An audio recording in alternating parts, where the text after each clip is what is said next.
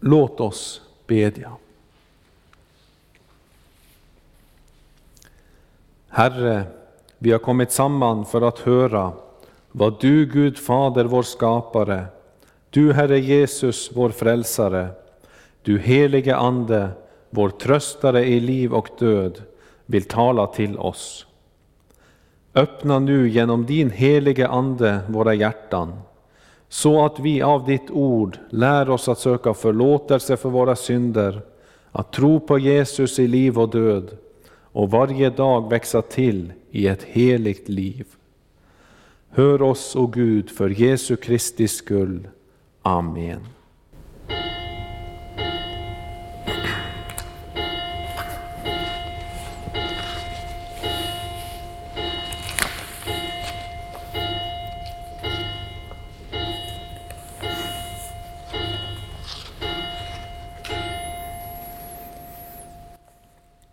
Så börjar vi med att sjunga 438, 438.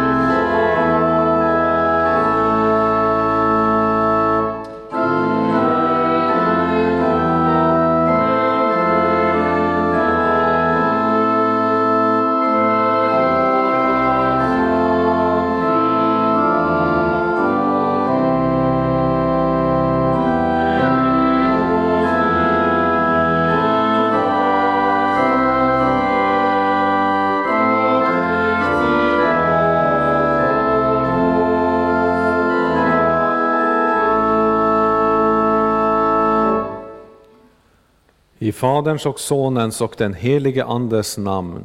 Amen. Nåd vara med er och frid ifrån Gud vår Fader och Herren Jesus Kristus. Amen. Låt oss bedja.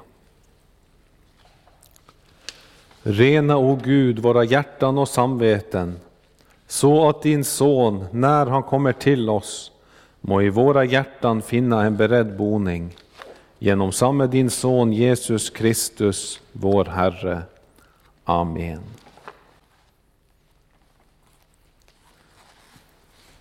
Efter syndafallet, som dagens gammaltestamentliga läsning talar om, står det om Adam och Eva att vid kvällsbrisen hörde de Herren Gud vandra i lustgården, och mannen och hans hustru gömde sig för Herrens Guds ansikte bland träden i lustgården. Men Herren, Herren Gud kallade på mannen och sade till honom, Var är du? Han svarade, Jag hörde ljuset, ljudet av dig i lustgården och blev förskräckt eftersom jag är naken, därför gömde jag mig. Då sade han, Vem har berättat för dig att du är naken? Har du ätit av det träd som jag förbjöd dig att äta av? Mannen svarade, Kvinnan som du har satt vid min sida, hon gav mig av trädet och jag åt. Då sade Herren Gud till kvinnan, vad är det du har gjort? Kvinnan svarade, ormen förledde mig och jag åt. Det här är en allvarlig text. För det som vi läser om Adam och Eva, det är sånt som tyvärr kännetecknar hela människosläktet efter syndafallet. Vi gömmer oss för Gud, för vi har inga kläder, inget som skyddar oss mot Guds helighet. Utan vi står i oss själva, nakna med vår syndaskuld, blottade inför Guds ansikte. Och detta märker vi särskilt i möte med Guds ord, det vill säga när Gud hittar oss och vill ha ett erkännande av vad vi har gjort.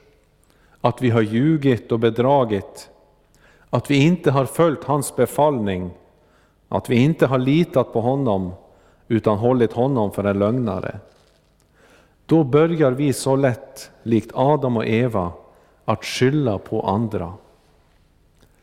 Vi kanske säger om vår synd att det var inte meningen att det skulle bli som det blev. Eller det var någon annan som fick mig att göra det som jag gjorde. Eller vi kan även säga till Gud att om du hade stannat upp oss i tid så ville vi inte ha fallit i synden. Ja, vi är otacksamma människor. Efter syndefallet så visar dödens följder och fläckar sig hos oss på så många olika sätt. Men det som är så stort är att redan på kvällen, samma dag som Adam och Eva hade fallit i frestelsen, det vill säga efter de hade brutit Guds befallning och ätit av kunskapens träd, och efter att de hade gömt sig för Gud och försökt att skylla ifrån sig. Efter allt detta så kunde Gud med rätta ha förgjort dem och utplånat dem från jordens yta. Men det gjorde han inte, utan i samma andedräkt som han berättar för dem följderna av deras synd, om vilken förbannelse den för med sig, så flätar den nådige Gud in välsignelsen i samma mening. Gud förkunnar då det som vi kallar för protoevangeliet, det första evangelium. Och han säger till ormen att jag ska sätta fiendskap mellan dig och kvinnan, mellan din avkomma och hennes avkomma. Han ska krossa ditt huvud och du ska hugga honom i hälen. Ja, istället för att låta sin slutgiltiga vrede över synden drabba människan, så förkunnar Herren löftet om kvinnans avkomma, Jesus Kristus, han som ska krossa djävulen och hans makt. Ja, sådan är Gud. Gentemot oss som bryter hans bud och skyller ansvaret ifrån oss. För oss förkunnar Gud evangeliet om sin son. Och han berättar hur sonen, som vi ska höra senare, gick in i människans ställe och blev frestad i allt så som vi, dock utan synd. Denna kvinnans avkomma, han har krossat djävulen och han har segrat på korset över djävulen när han utropade att det är fullbordat. Då uppfyllde han all rättfärdighet. Och han är här i gudstjänsten idag för att förkunna sin seger för oss. och för att skänka sig själv som en gåva åt oss. Och han vill på samma sätt som han gjorde kläder åt Adam och Eva, så vill han täcka vår nakenhet genom att kläda oss i frälsningens klädnad och svepa oss i rättfärdighetens mantel. Han vill inte att vi skyller ifrån oss vår skuld, utan han vill höra vår syndabekännelse. Och så som han gjorde det med Eva och Adam, så vill han istället för att komma med sin vrede, så vill han komma med det glada budskapet, evangeliet om att han har betalt för alla våra synder med sitt blod och att han skänker oss syndernas förlåtelse ständigt på nytt. Ja, som om inte det är nog, så vill han också idag ge oss sin egen kropp och blod att äta och dricka i nattvarden. Och där frågar han inte om yttre värdighet eller syndfrihet, utan denna måltid, denna himmelska måltid är öppen för alla som ångrar sina synder och tror Bibelns ord, att de faktiskt med, tillsammans med brödet och vinet, äter och dricker Kristi försonande kropp och blod till alla sina synders förlåtelse. Låt oss alla som är Adams barn därför bekänna våra synder till den andra Adam, han som än idag möter syndare med nåd. Ja, låt oss be och bekänna.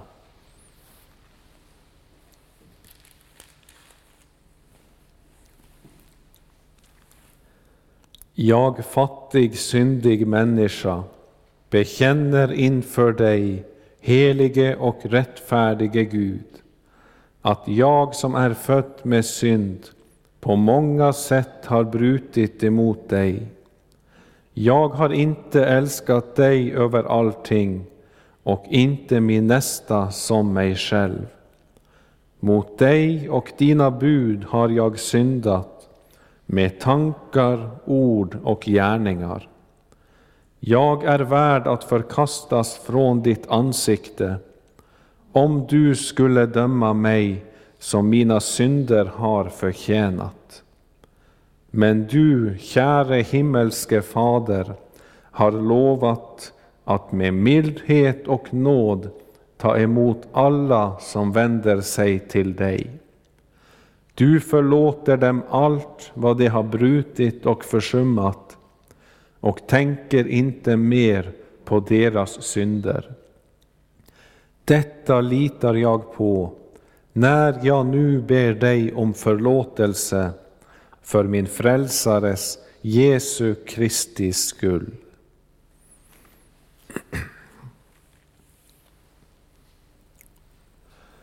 Begär du dina synders förlåtelse för Jesu Kristi skull, så är i kraft av Guds ord och löfte fast och visst att Gud av nåd förlåter dig alla synder. Denna förlåtelse tillsäger jag dig på vår Herres Jesu Kristi befallning i Faderns och Sonens och den helige Andes namn. Amen. Käre Fader i himmelen, vi tackar dig för syndernas förlåtelse genom Jesus Kristus, vår Herre. Amen. Helige Herre Gud, helige starke Gud, helige barmhärtige frälsare, du evige Gud, förbarma dig över oss.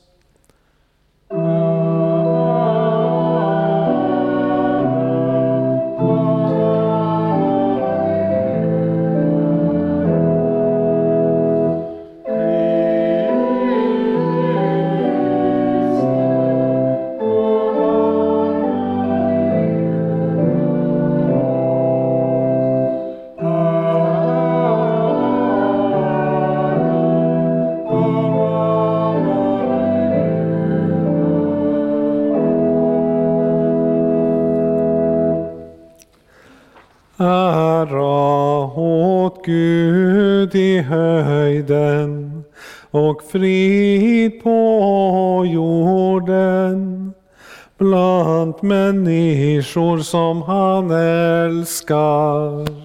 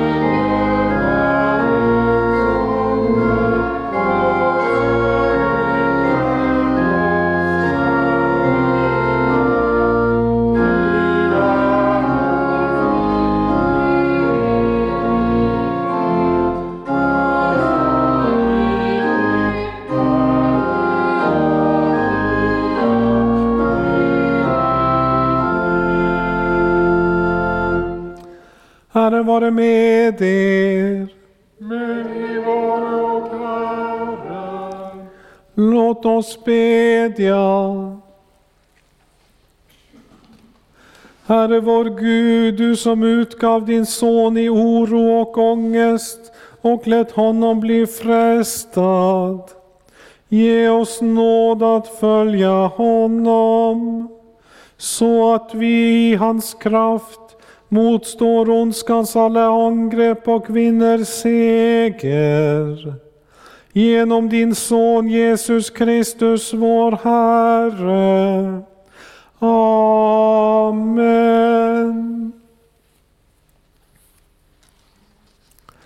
Hör Herrens ord på första söndagen i fastan från den första årgångens läsningar.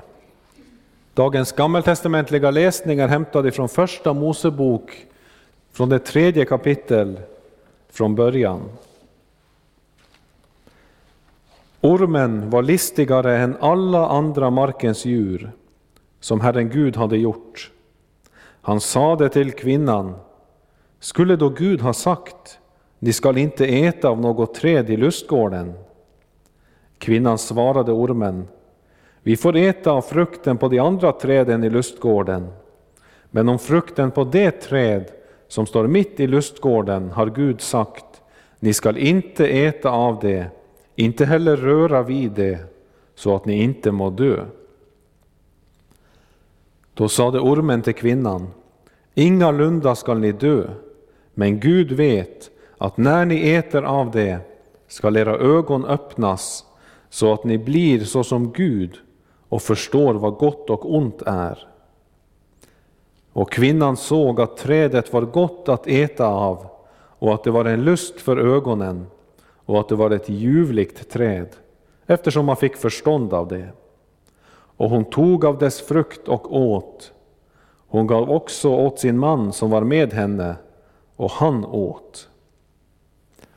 Hör också Herrens ord ifrån dagens epistel hämtad ifrån Hebreerbrevets fjärde kapitel, från vers 15. Vi har inte en överstepräst som är oförmögen att känna med oss i våra svagheter, utan en som har prövats på alla sätt och varit som vi, men utan synd. Låt oss därför frimodigt träda fram till nådens tron för att få förbarmande och nåd i den stund då vi behöver hjälp. Så lyder Herrens ord. Gud, vi tackar dig. Som gradualsalm sjunger vi 569.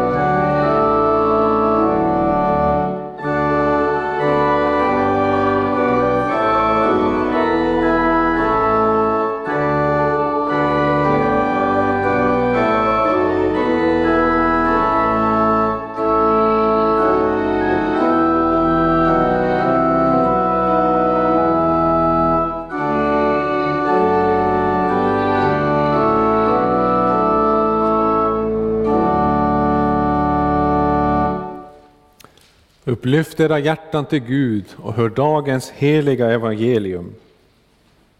Så skriver evangelisten Matteus i det fjärde kapitel från början. Jesus fördes av anden ut i öknen för att sättas på prov av djävulen. När han hade fastat i 40 dagar och 40 nätter blev han till sist hungrig. Då kom frestaren och sade till honom, om du är Guds son, så befall att de här stenarna blir bröd. Jesus svarade, det står skrivet, människan ska inte leva bara av bröd, utan av varje ord som utgår ur Guds mun. Sedan tog djävulen honom med sig till den heliga staden och ställde honom högst uppe på tempelmuren och sade, om du är Guds son, så kasta dig ner. Det står ju skrivet, han ska befalla sina änglar och de ska lyfta dig på sina händer så att du inte stöter din fot mot någon sten. Jesus sade till honom, det står också skrivet, du ska inte sätta Herren din Gud på prov. Nu tog djävulen honom med sig upp på ett mycket högt berg och visade honom alla riken i världen och deras härlighet och sade, allt detta ska jag ge dig om du faller ner och tillber mig. Då sade Jesus till honom, gå din väg Satan, det står ju skrivet, Herren din Gud skall du tillbe och endast honom skall du dyrka. Då lät djävulen honom vara och änglar kom fram och betjänade honom.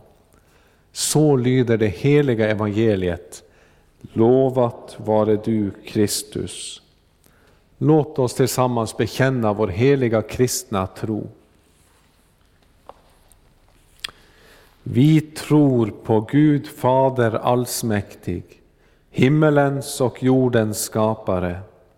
Vi tror och på Jesus Kristus, hans enfödde Son, vår Herre, vilken är avlat av den helige Ande, född av jungfrun Maria, pinad under Pontius Pilatus, korsfäst, död och begraven, nederstigen till dödsriket, på tredje dagen uppstånden igen ifrån de döda, uppstigen till himmelen, sittande på allsmäktig Gud Faders högra sida, därifrån igenkommande till att döma levande och döda. Vi tror och på den helige Ande, en helig allmännelig kyrka, det heligas samfund, syndernas förlåtelse, det dödas uppståndelse och ett evigt liv. Amen.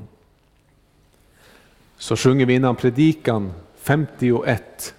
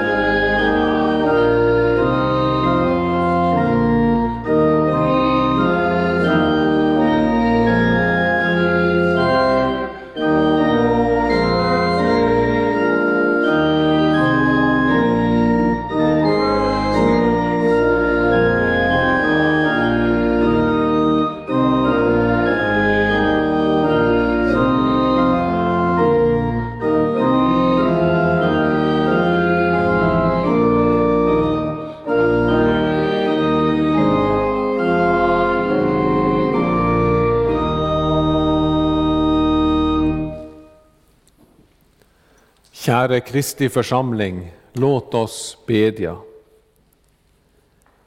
Allsmäktige himmelske Fader, tack för att du utsände din son för vår skull.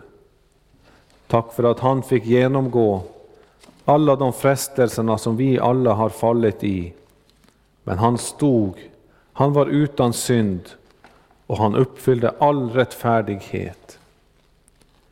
Ge oss nåd att få se vad Jesu frestelser i öknen betyder för oss. Hör oss, o Gud, för Jesu Kristi skull.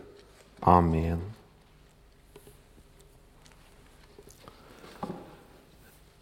Innan jag börjar på dagens predikan så ska jag säga några ord till de som är lite yngre och som tittar på skärmarna där hemma tillsammans med sin familj. Det som vi läste om idag och som vi får höra är att Jesus var i öknen och blev frestad av djävulen. Och Det som är poängen med det som Jesus gjorde, det är att han gjorde det för vår skull.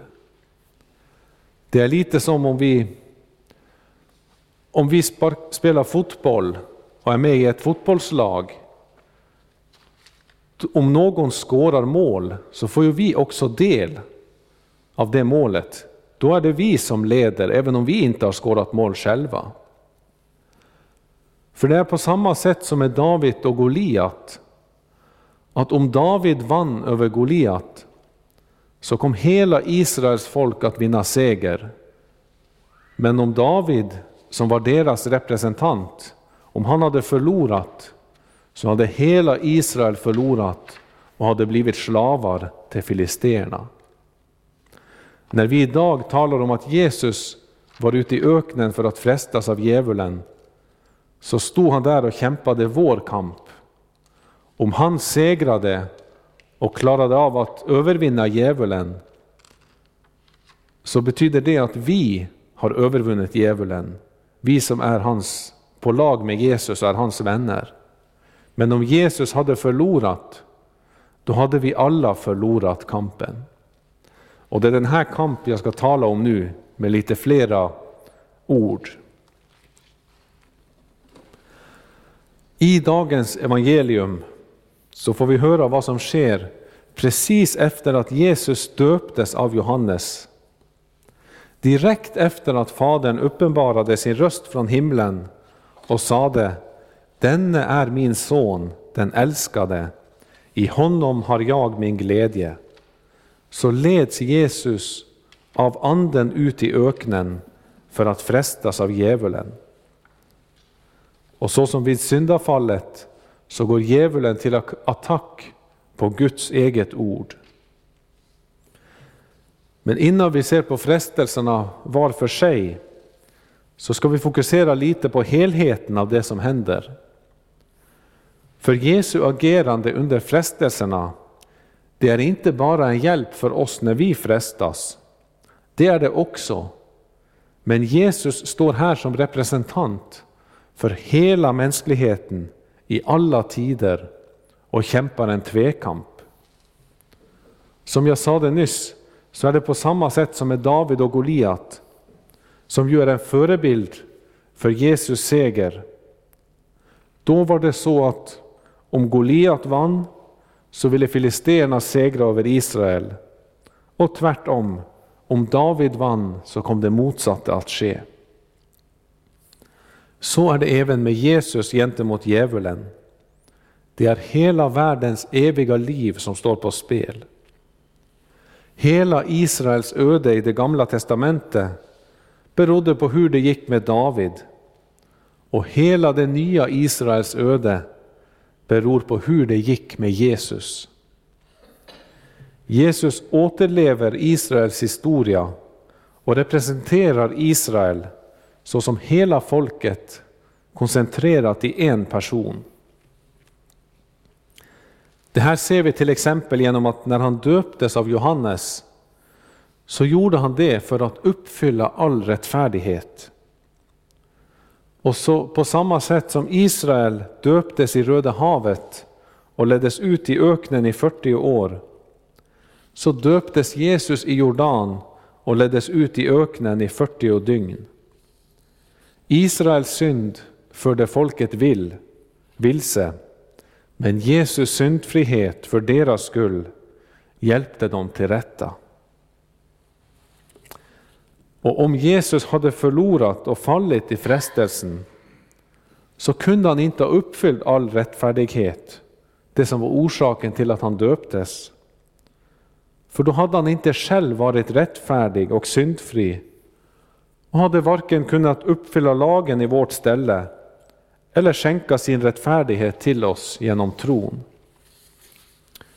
Utan då hade Jesus själv behövt en frälsare och alla människor hade varit utan Gud, utan hopp och utan Gud i världen. Vi som alla, likt Adam, har fallit och har dött bort från Gud. Ja, hade Jesus syndat så hade hela kristendomen varit meningslös. För då hade inte Jesus såsom segrare över döden kunnat uppstå. Och som Paulus säger, om Kristus inte har uppstått, då är vår predikan meningslös och er tro meningslös.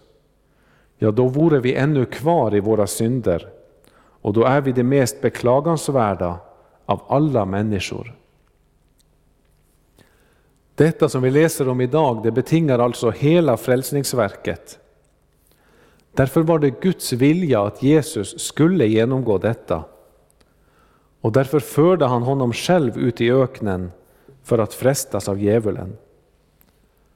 För Gud ville att Jesus, så som episteltexten talar om, skulle bli frestat i allt liksom vi, dock utan synd. Bara då kunde han ha medlidande med våra svagheter och skänka oss barmhärtighet och nåd till hjälp i rättan tid och öppna sin nåds tron för oss syndare.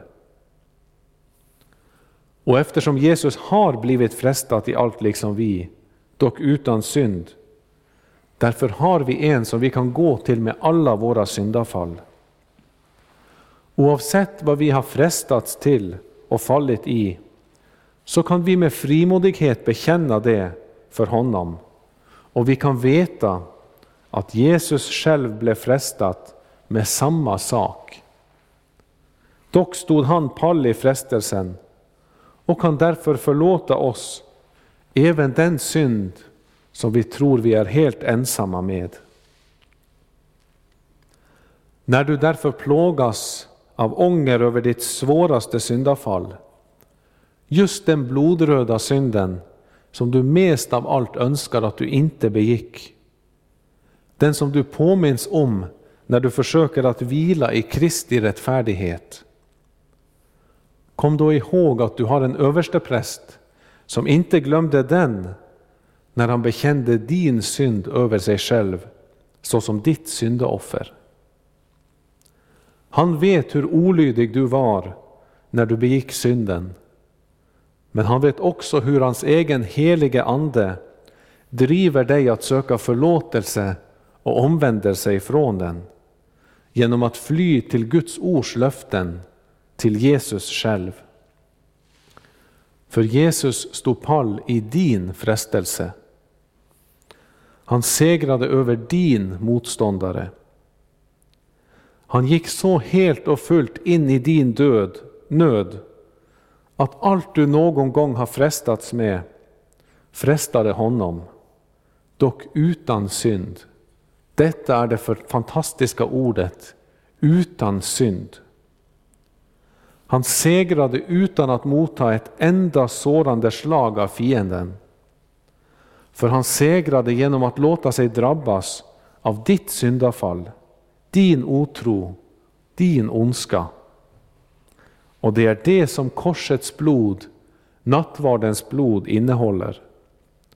Det är inte det ondas seger, utan det är ställföreträdaren som i ditt ställe, i Israels ställe, segrade. Du som är i Kristus är därför Kristi segerbyte.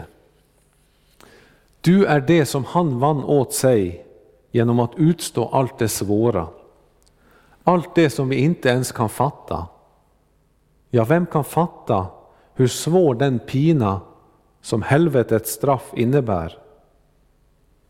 Jesus förstår det eftersom det var just det som han utstod för dig. Ja, därför har vi en överstepräst som inte heller förvånas av våra synder, hur scharlakansröda de än må vara. Han har lidit dess straff och han blir nog ledsen när vi syndar, när vi syndar emot honom, men förvånad blir han inte. Utan hans löften till oss om frikännande, om nåd och frid, om liv och härlighet för evig tid. Det har han givit oss fullt och helt medvetande om det som du och jag har brutit emot honom. Det är detta som hans frestelser vill visa oss idag. Inte bara att han är en bättre teolog än djävulen, utan just att han stod i frestelsen i vårt ställe. Kolosserbrevet säger att han har klätt av välderna och makterna och förevisat dem offentligt när han på korset triumferade över dem. Och när han sade det är fullbordat och utandades, då var det fullbordat. Därför kunde han uppstå till vår rättfärdighet, till vår rättfärdiggörelse. Just för att det var vår seger som han vann. Den helige och rättfärdige Gud kunde genom Jesu fullbordade verk låta sitt ansikte lysa över oss och vara oss nådig, vända sitt ansikte till oss och give oss frid.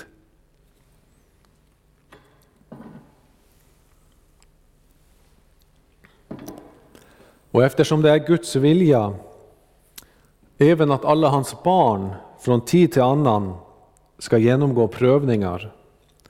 Därför ska vi ta lärdom av Jesus sätt att agera på. För det är avgörande om vi vill segra. Och vi kan följa Jesu exempel just därför att Jesus segrade inte genom att använda sin gudomliga makt, utan Jesus segrade så som en människa. Vi kan säga så som en trogen israelit eller en from kristen. För även om vi i tillägg frestas av vårt syndiga kött inifrån, medan Jesus enbart frestas av djävulen, så är lika fullt Jesu agerande i frestelserna detsamma som vi skall använda om vi vill segra. Och det är genom att hålla oss till Guds ord. För när Jesus, som själv är ordet, enbart håller sig till det skrivna ordet, hur mycket mer skall inte då vi göra det?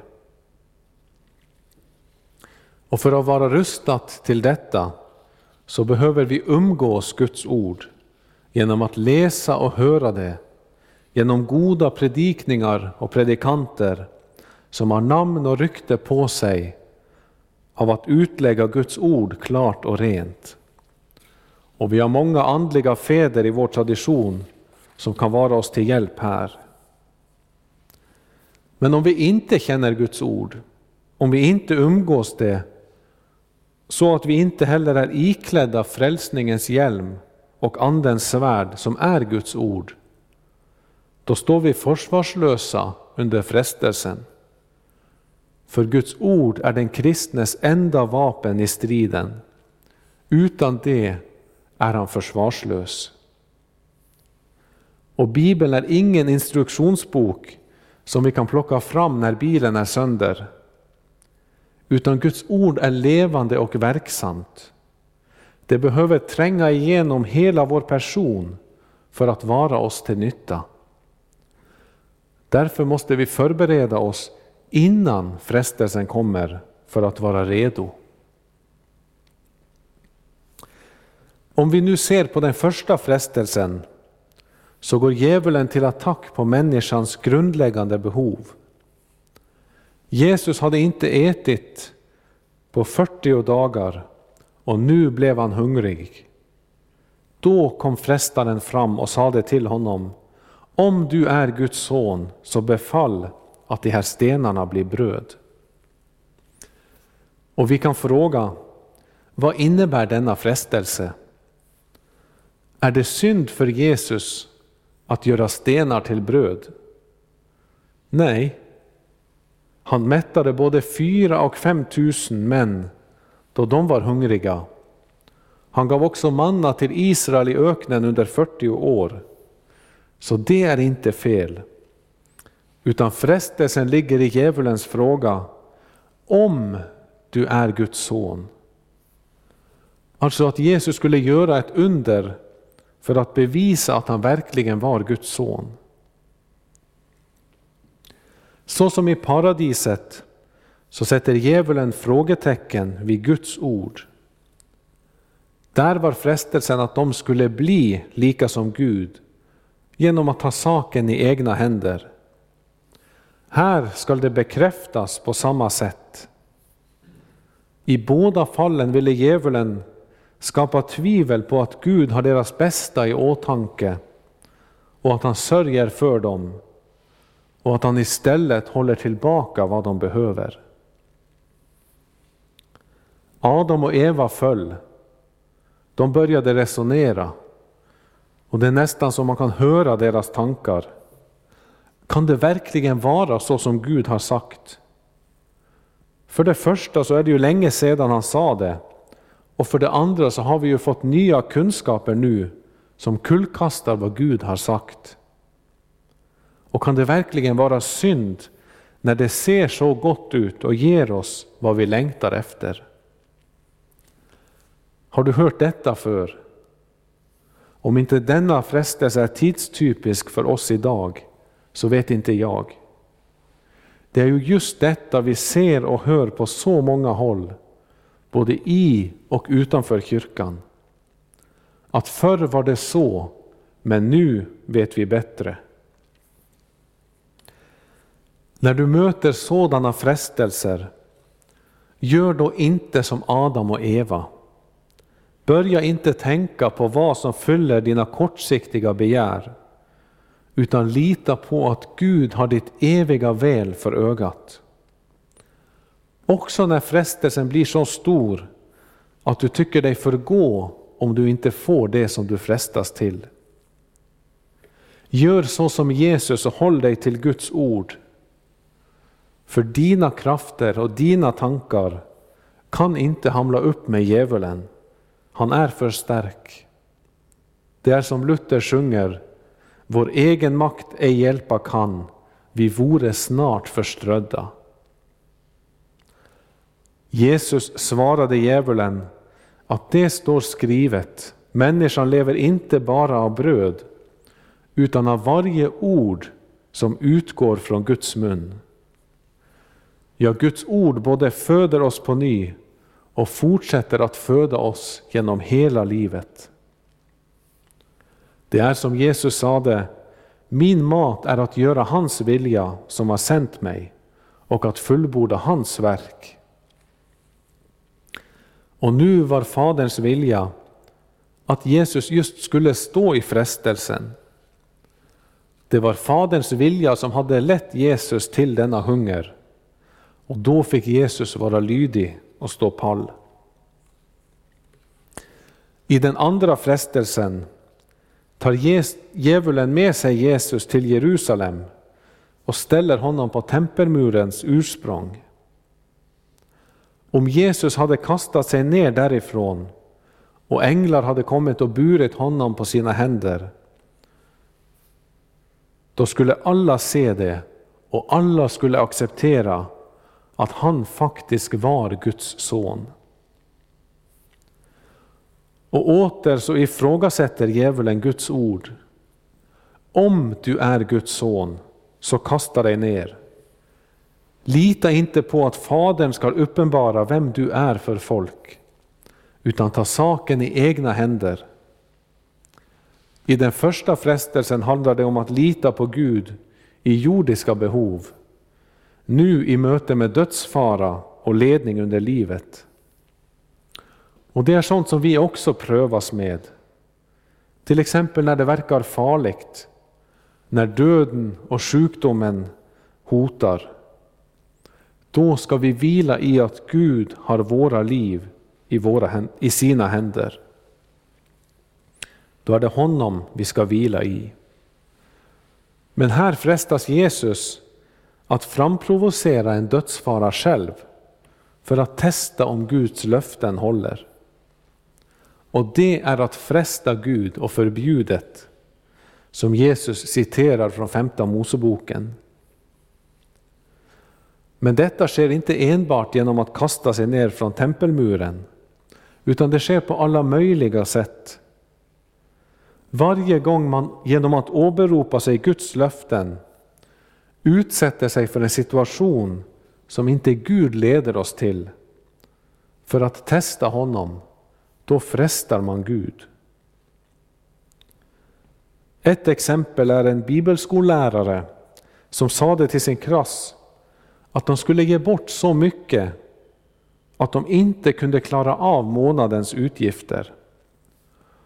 Och detta skulle de göra, inte därför att de fattiga låg dem om hjärtat, utan därför att de skulle få se att Gud ändå kom att sörja för att ekonomin gick ihop. Läraren hade missat att Gud redan hade sörjt för dem så att de hade vad de behövde. Att då ge bort allt för att pröva honom är åter att fresta Gud. En helt annan sak är ju när man hör om kristna som verkligen inte förstår hur deras ekonomi har gått ihop under alla år. De har haft mera i utgifter än i inkomst och ändå har Gud sörjt för dem så att de har klarat sig. Det vittnar om Guds trofasthet.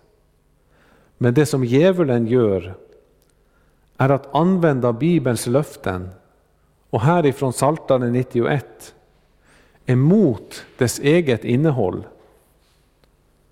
För löftena som djävulen citerar gäller den som sitter under den Högstes beskydd och vilar under den allsmäktiges skugga. Han säger, i Herren har jag min tillflykt och min borg, min Gud som jag förtröstar på. Löftena gäller inte den som utmanar Gud med hans egna löften för att pröva om de håller. Nej, en sådan förtröstar just inte på Gud.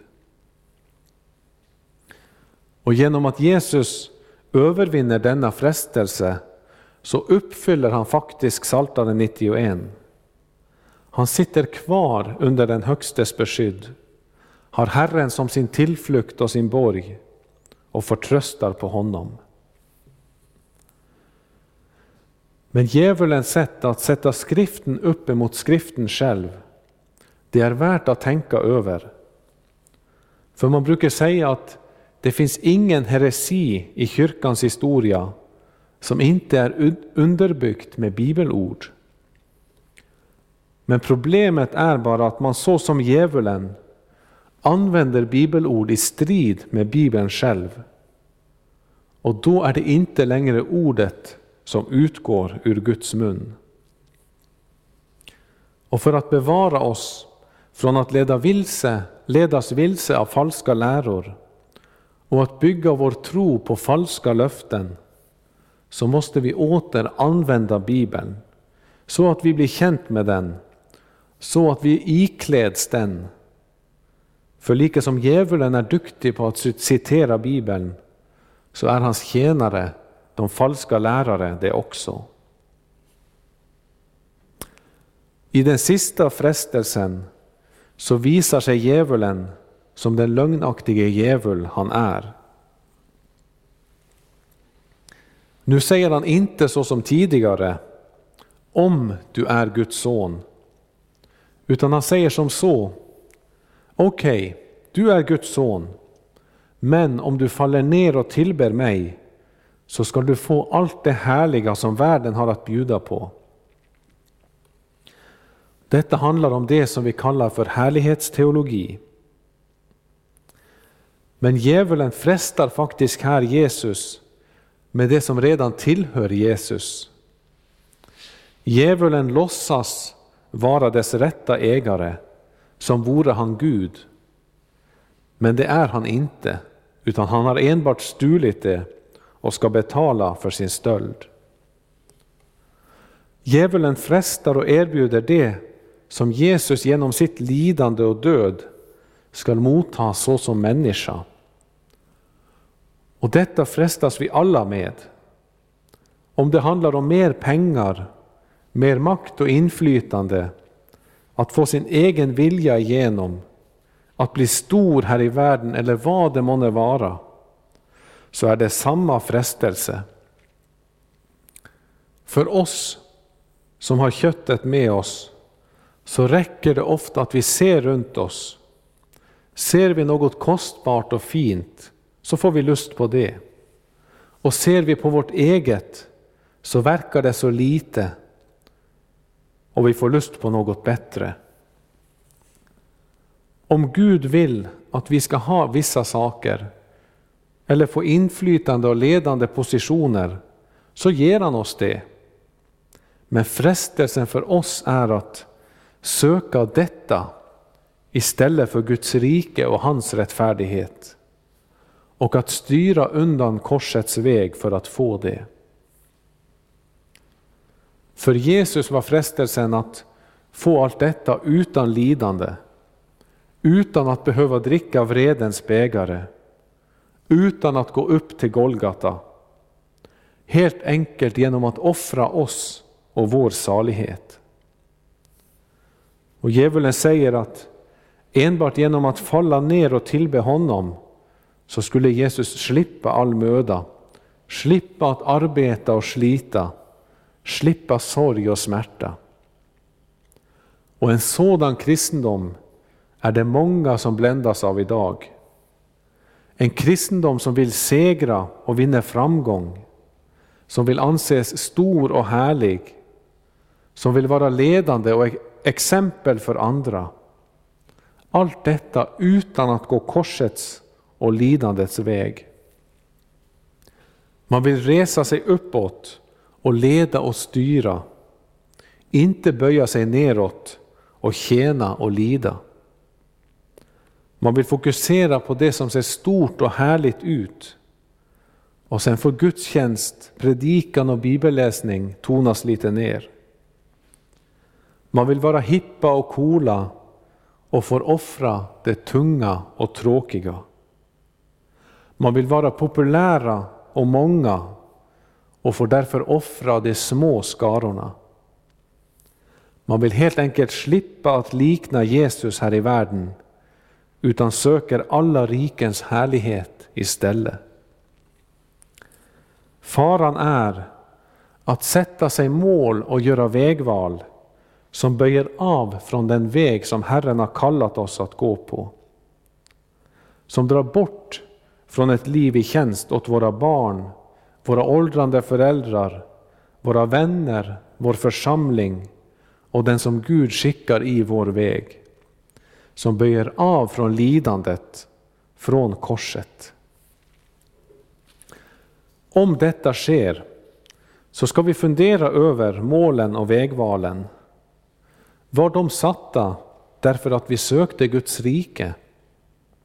I så fall kan det vara Guds välsignelse. Och, men om de var satta för att vi sökte mänsklig makt och härlighet, då är det farligt.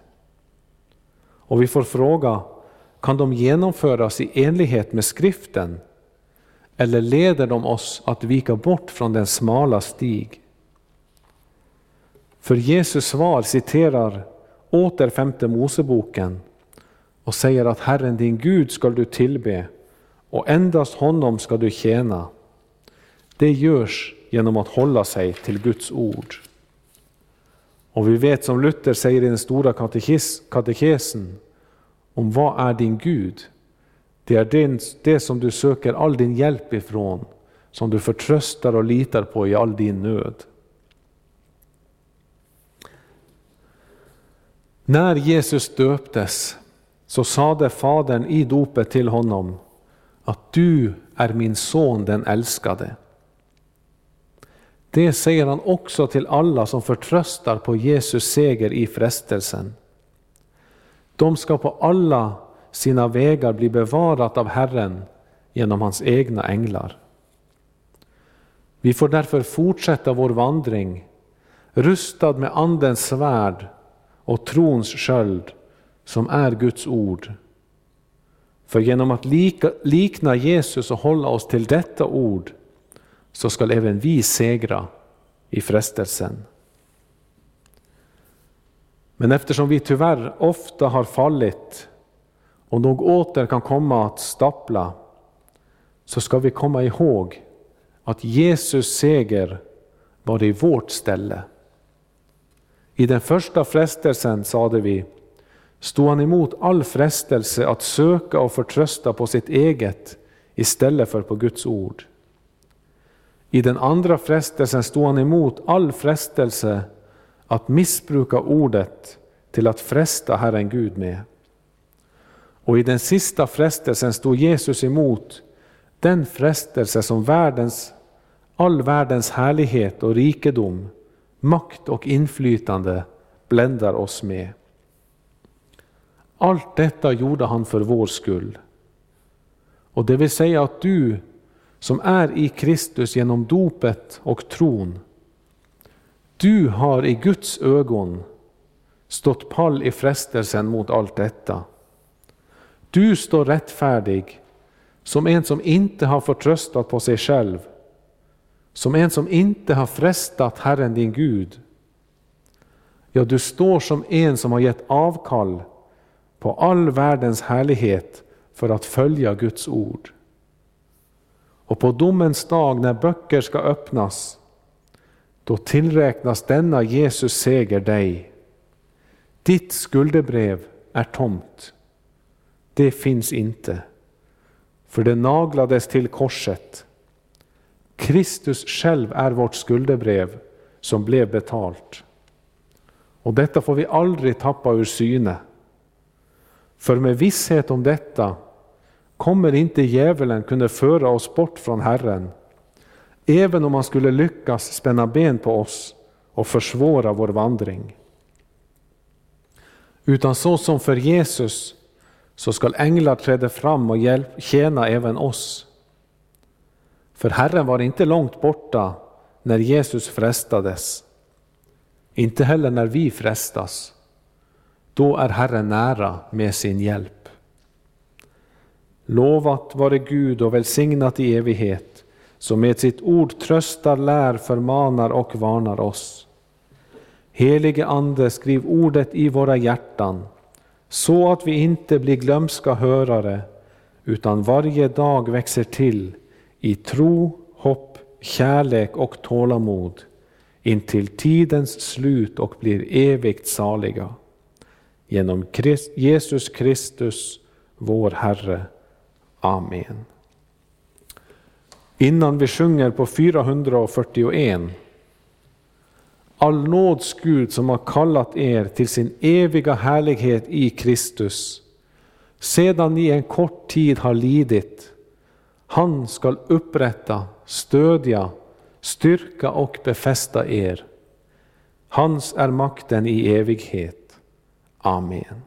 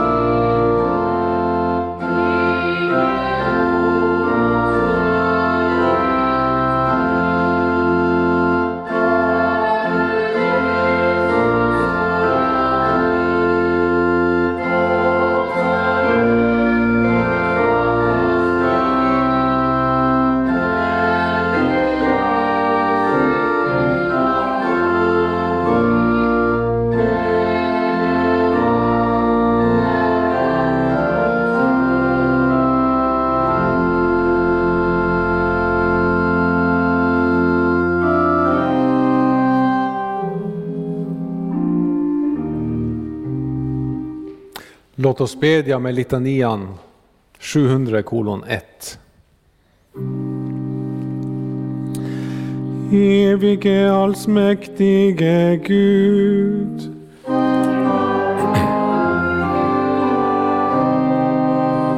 Herre, hör vår bön. Herre Gud, Fader i himmelen. Herre Guds son, världens frälsare. Herre Gud, du helige Ande.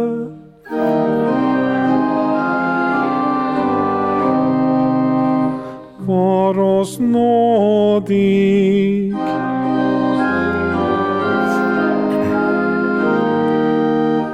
För alla synder, för lögn och vidskepelse, för allt ont, för djävulens grymhet och list, för pest och hungersnöd, för krig och världsbrand, för ondskans makter i himlarymderna, för uppror och splittring, för eld och våda, för ond bråd död, för den eviga döden.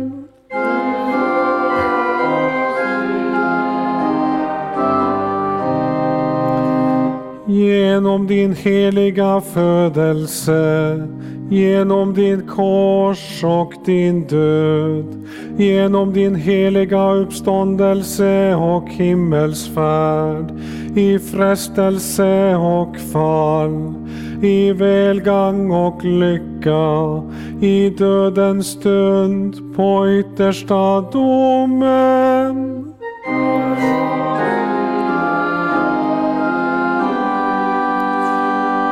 Vi arma syndare beder dig att du leder och bevarar din heliga kristna kyrka. Att du sänder trogna arbetare i din skörd. Att du med ordet giver din ande och kraft att du gör ditt namn känd i hela världen. Att du enar alla trogna så att det förblir en jord och en herde.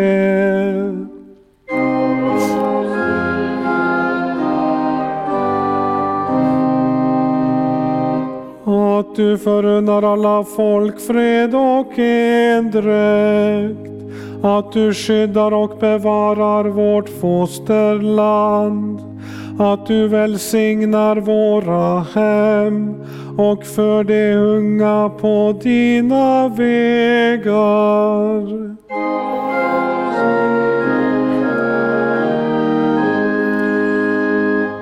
Att du tröstar alla bedrövade och svårmodiga.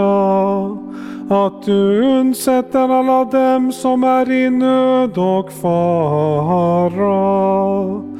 Att du vederkvicker och hjälper alla sjuka. Att du välsignar allt gott verk att du förbarmar dig över alla människor att du nådigt hör vår bön.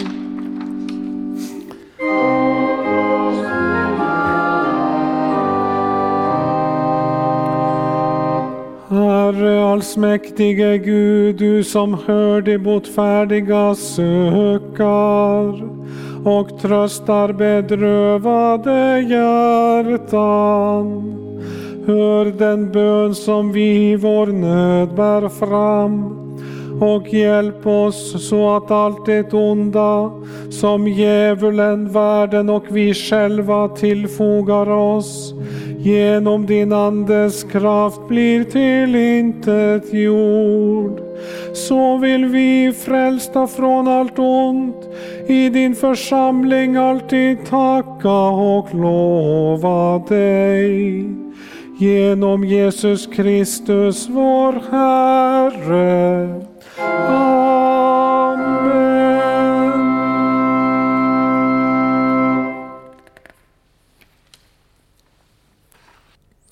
I den helige Ande och med alla dina trogna ber vi den bön som din son Jesus Kristus har lärt oss. Fader vår som är i himmelen. Helgat var det ditt namn Tillkomme ditt rike.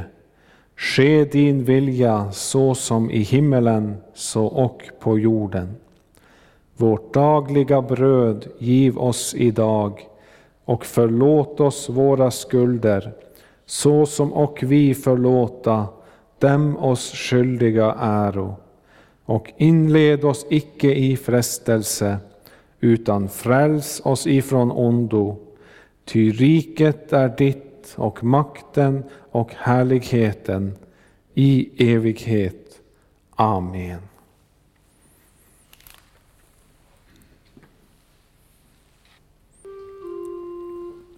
Låt oss tack, tacka Gud och lova honom.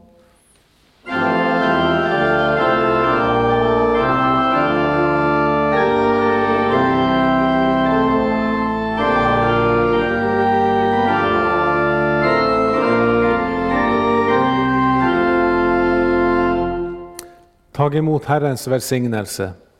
Herren välsigne er och bevare er. Herren låte sitt ansikte lysa över er och vara er nådig. Herren vände sitt ansikte till er och give er frid. I Faderns och Sonens och den helige Andes namn.